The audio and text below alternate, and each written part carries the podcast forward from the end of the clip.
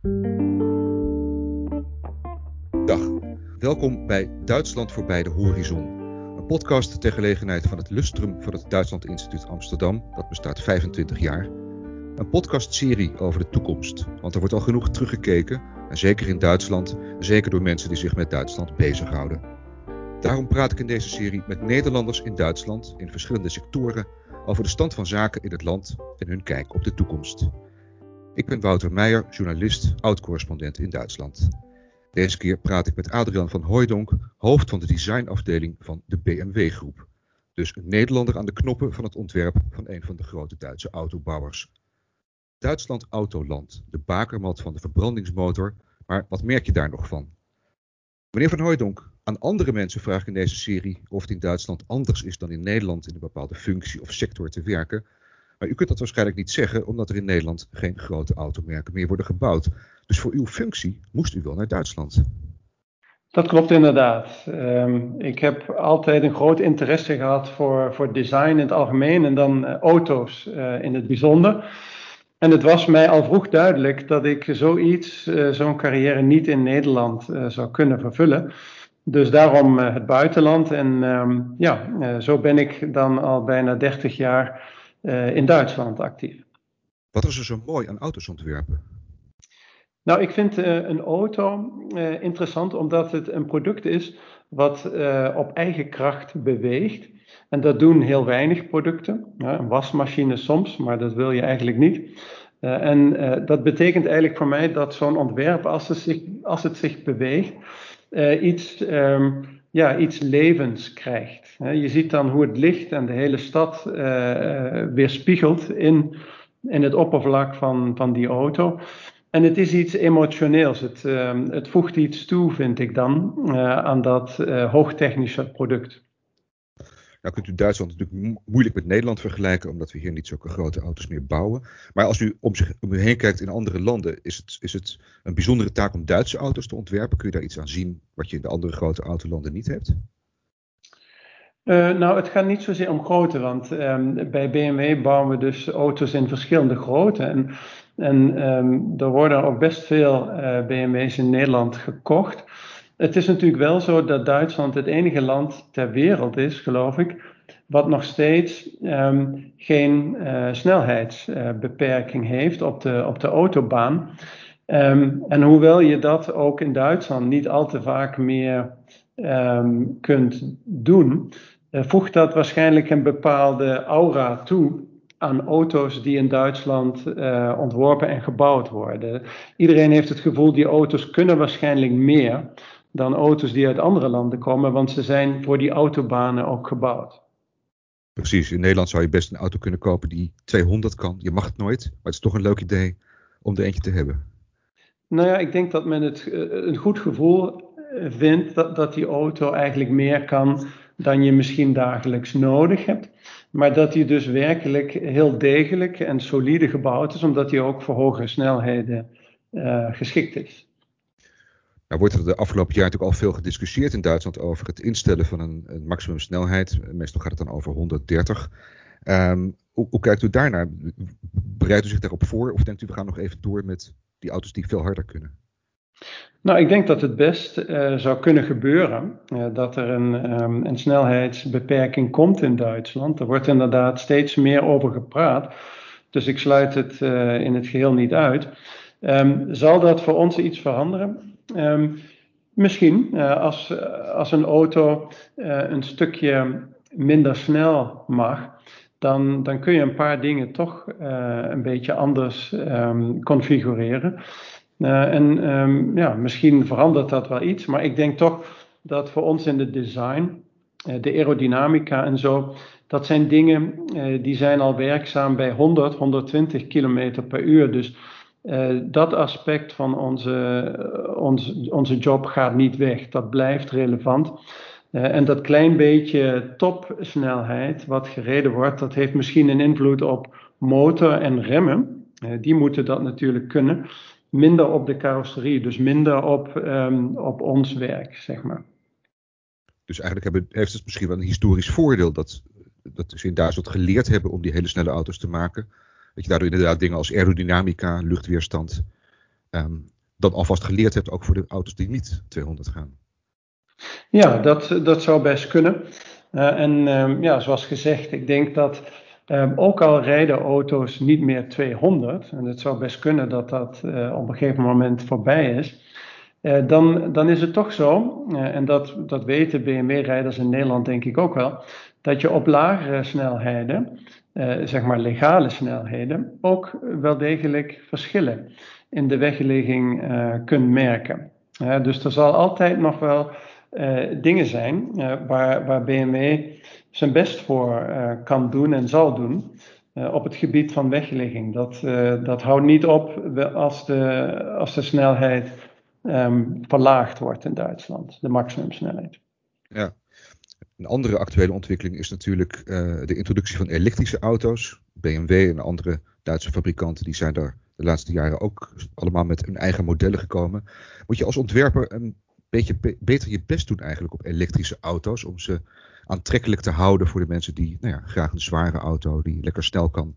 Om dat toch ook voor de elektrorijder aantrekkelijk te maken. Um, dat weet ik niet. Het is zo dat uh, zeg maar grote technologische veranderingen die we nu zeker zien, uh, binnen nu en uh, de komende vijf jaar gaat het hard denk ik met elektromobiliteit. Die bieden eigenlijk voor ons ontwerpers um, eigenlijk ook grotere kansen om de auto's er anders uit te laten zien. Dus wij zien dat eigenlijk positief.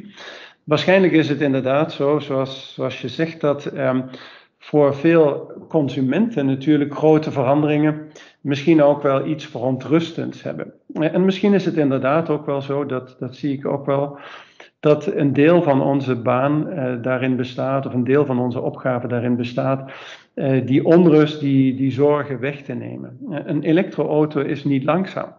die is zelfs soms vanaf, ehm, vanaf 0 km per uur heel snel.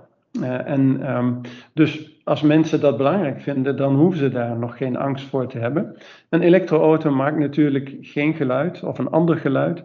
En dat zijn ook emotionele dingen. Dus op een emotioneel vlak hebben mensen waarschijnlijk angst daarvoor. Ze zijn bang dat ze bepaalde dingen gaan verliezen. En dan is onze opgave inderdaad daarvoor nieuwe dingen in de plaats te brengen die ze net zo emotioneel aantrekkelijk vinden. Wat kun je dan doen om dat te compenseren? Die, ja, dat je niet meer het lekkere vroemgeluid hebt bij het stoplicht als je weggaat. Maar dat je misschien iets anders krijgt omdat je een elektrische auto hebt. Nou, ik denk, uh, denk, dat we daar een hele hoop dingen kunnen doen. Daar zijn we ook mee bezig. Ten eerste kunnen we een ander geluid creëren, componeren. Ja, dat zijn we ook aan het doen op dit moment. Uh, een deel van mijn team doet ook aan sound design. Um, dus dat hoort er nu uh, ook al bij. Dus we kunnen anders dan, dan met een verbrandingsmotor, kunnen we wel degelijk een rijder ook een bepaalde ehm, feedback geven over wat de auto op dat moment doet. dat, dat componeren wij. Uh, dus dat is voor ons eigenlijk uh, een verrijking van, van ons uh, creatieve gebied, als je zo wil. Um, een elektroauto kan ook een stukje compacter zijn, kan ook een beetje meer binnenruimte hebben. Um, en dus er zijn best wel een aantal dingen die, denk ik, ook voor de klanten attractief gaan worden. Nou komt er een hele grote elektrische autobouwer, de firma Tesla uit Amerika, die alleen maar elektrische auto's bouwen. Uh, hebben een enorme fabriek, zijn ze nu aan het bouwen, vlakbij Berlijn. Uh, het ziet er op de beelden uit als een soort UFO die midden in het bos is geland. Daar was vroeger niks. En nu gaat daar binnenkort, uh, ja, zeggen ze zelf, massaproductie van Tesla's en batterijen plaatsvinden. En je zou kunnen zeggen, heeft daar niet een Duitse elektrofabrikant of een Duitse autofabrikant iets gemist? Hadden die niet met zo'n UFO in het bos moeten landen? Nou, we hebben in Duitsland natuurlijk al een paar fabrieken staan. En we hebben zelfs in Amerika al uh, sinds 15 jaar zo ongeveer een grote fabriek staan, die we ook um, in de loop van de tijd um, duidelijk hebben vergroot. Dus op zich is het eigenlijk niks verwonderlijks dat een internationale firma zoals Tesla ook uh, het doel heeft in de verschillende re regio's in de wereld waar ze auto's verkopen of, of willen verkopen, uh, te gaan produceren. Dat heeft meer te maken met de internationale handelswereld ehm, op, op dit moment. en ehm, alle mogelijke invoer die je moet betalen als je in het buitenland produceert. Dus het is eigenlijk op zich niet verwonderlijk, dus het heeft ons ook niet geschokt als zodanig. Het is misschien natuurlijk ook ehm, wel een klein beetje een, een, uh, een signaal van, van de firma Tesla: van pas op, we komen eraan. En kijk eens, uh, we zijn in Duitsland. Dus dat zal zeker wel een rol spelen, maar uit onze zicht is het gewoon logisch dat je als automobielfabrikant in elk werelddeel ook fabrieken hebt. En dat hebben wij al jaren. Maar verhoogt die komst de druk op Duitse autobouwers? Is het een soort, ja, u zegt een signaal, maar is het ook een beetje een schok van we moeten opletten op onze thuismarkt? Mm, nee, niet, niet zozeer een schok, omdat we het hebben zien aankomen ten eerste. En ten tweede, Tesla was ook uh, voor die fabrieksbouw um, al hier op de markt aanwezig. Dus natuurlijk moet je altijd um, op een wereldmarkt competitief zijn. Hè? En uh, er komen altijd nieuwe um, uh, competitors en uh, sommige verdwijnen. Dus daar moet je altijd een oog op hebben. Maar nog veel meer als dat moet je eigenlijk ook een eigen plan hebben. En, en zo, um, zo staat BMW er eigenlijk al jaren in. Um, wij hebben zelf een plan richting elektrificering van, van ons modelprogramma. En daar hebben we ook duidelijke doelen in. En daar gaat het natuurlijk naartoe. Uh, en onze fabrieken kunnen dat ook. Dus daar voelen we ons eigenlijk best goed voorbereid. Ja, als ik hier in Amsterdam door de stad rij en de snelweg opga, dan zie ik echt heel veel elektrische auto's. Uh, er staan ook overal laadpalen. Dat is in Duitsland is dat toch nog iets minder. Duits, of het lijkt er eigenlijk alsof Nederland voorloopt.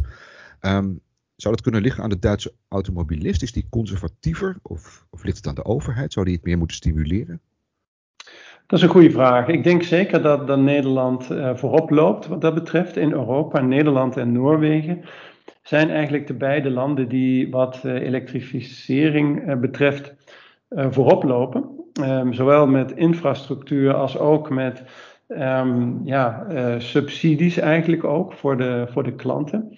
Um, misschien is dat zo omdat Nederland als kleiner land meer verstedelijkt is.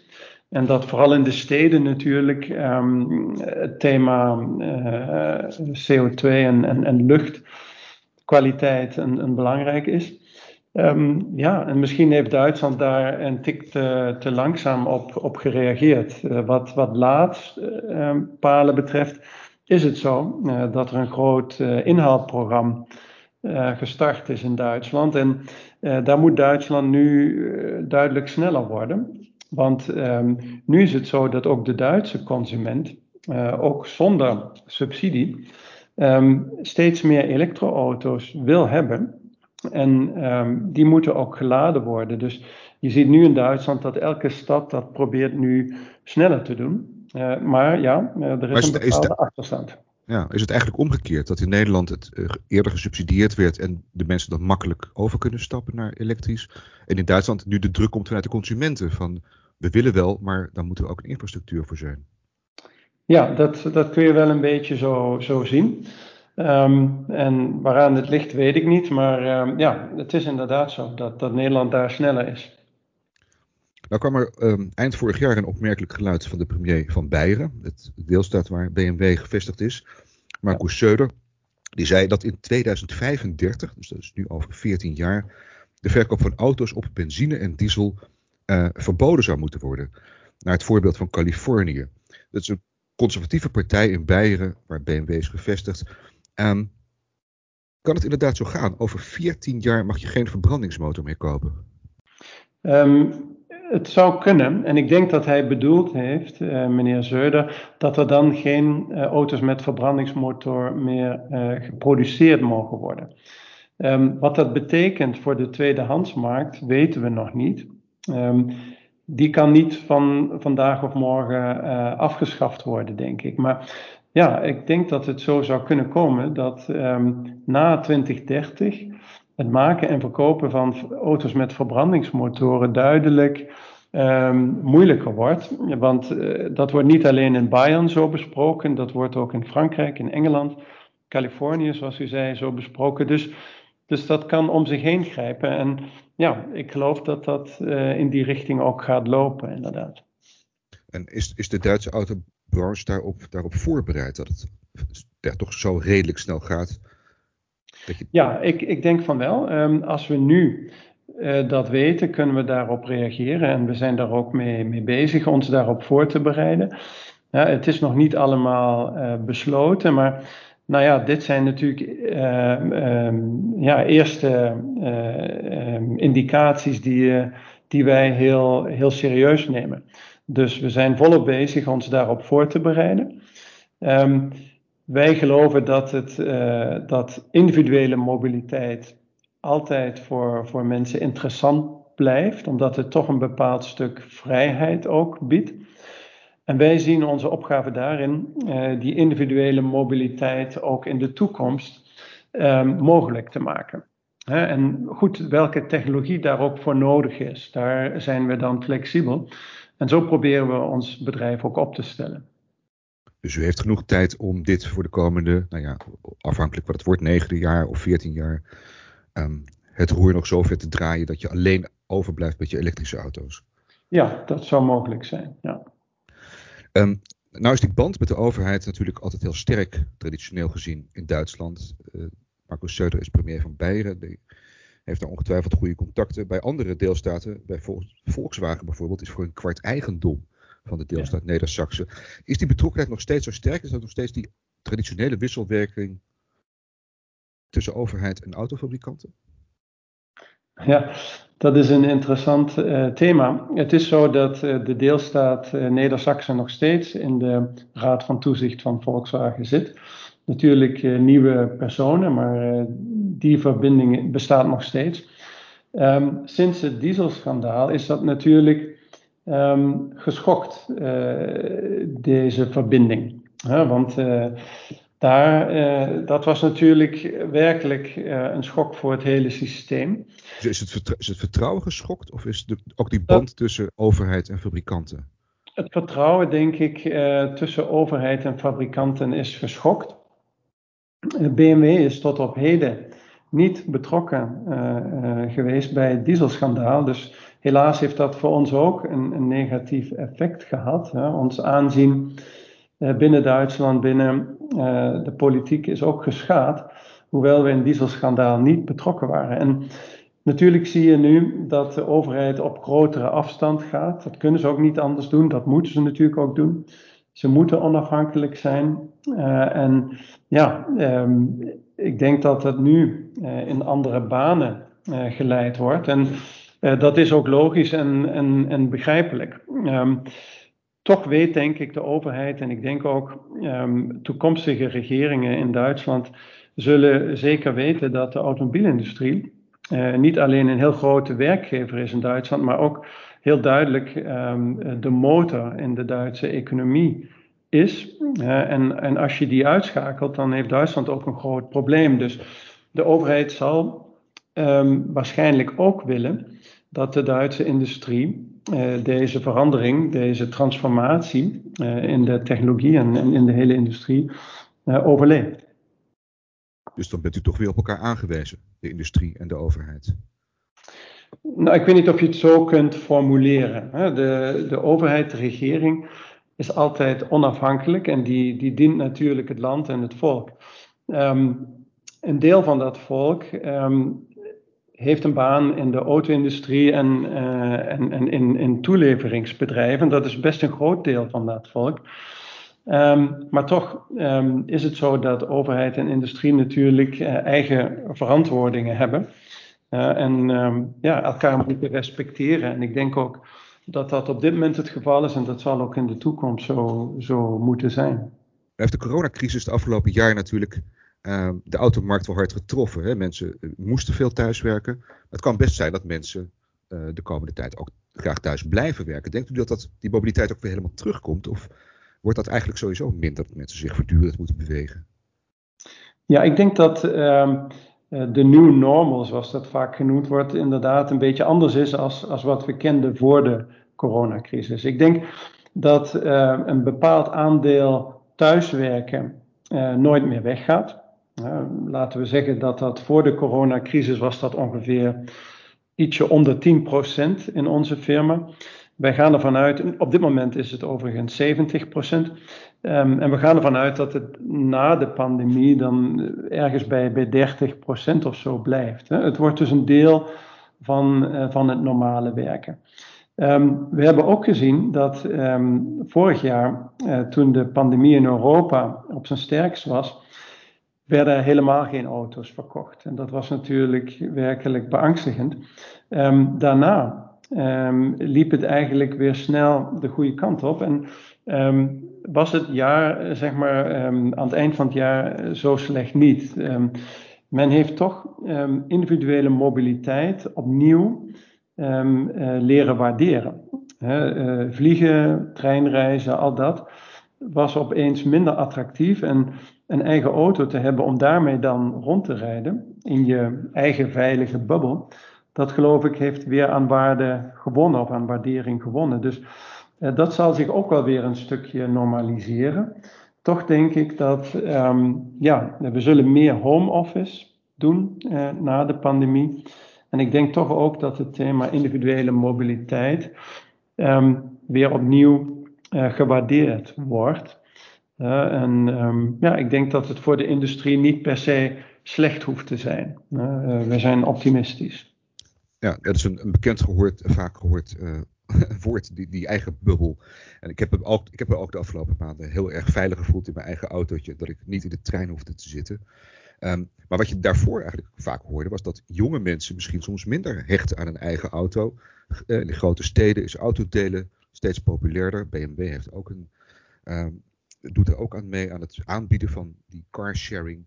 Maar dan is je auto toch ja, geen persoonlijke accessoire mee. Het is niet meer iets wat je, waar je je eigen identiteit aan kunt verbinden. Merkt u daar iets van als ontwerper, dat er minder individuele auto's zijn en langzamerhand meer gemeenschappelijke auto's? Um, voor corona ja. Uh, het hele thema carsharing is natuurlijk door corona, zullen we maar zeggen, een paar jaren uh, teruggeworpen. Want die ontwikkeling was er inderdaad, dat het meer richting sharing ging, shared mobility. En dat is nu natuurlijk tot staan gekomen. Dat zal wel weer aantrekken, maar ik zeg maar met een vertraging van twee, drie jaar. Het is ook zo, zoals u zegt, dat jonge mensen een auto niet meer zozeer als het persoonlijke accessoire wat je moet hebben, zo snel mogelijk na je rijbewijs moet hebben, zien. Dat is ook zo. Um, er zijn ook hele andere manieren nu om uh, rond te reizen, die, die jonge mensen ook graag uh, nemen, die ook niet zo duur zijn. Dat moet je ook eerlijk zien. Als je een vluchtreis kunt boeken voor 60 euro, waarom dan een auto hebben? die moeilijk te parkeren is en ook nog onderhoud nodig heeft. Dus dat moeten we wel reëel zien. Het is wel zo naar onze onderzoeken dat um, mensen op dit moment dan later een rijbewijs halen en ook later tot de aanschaf van een auto overgaan. Maar ze krijgen ook later familie, dus um, een hoop dingen zijn eigenlijk uh, in het leven verschoven. Ja, en uh, dat betekent niet dat ze nooit meer instappen in dat thema auto. Het komt gewoon later.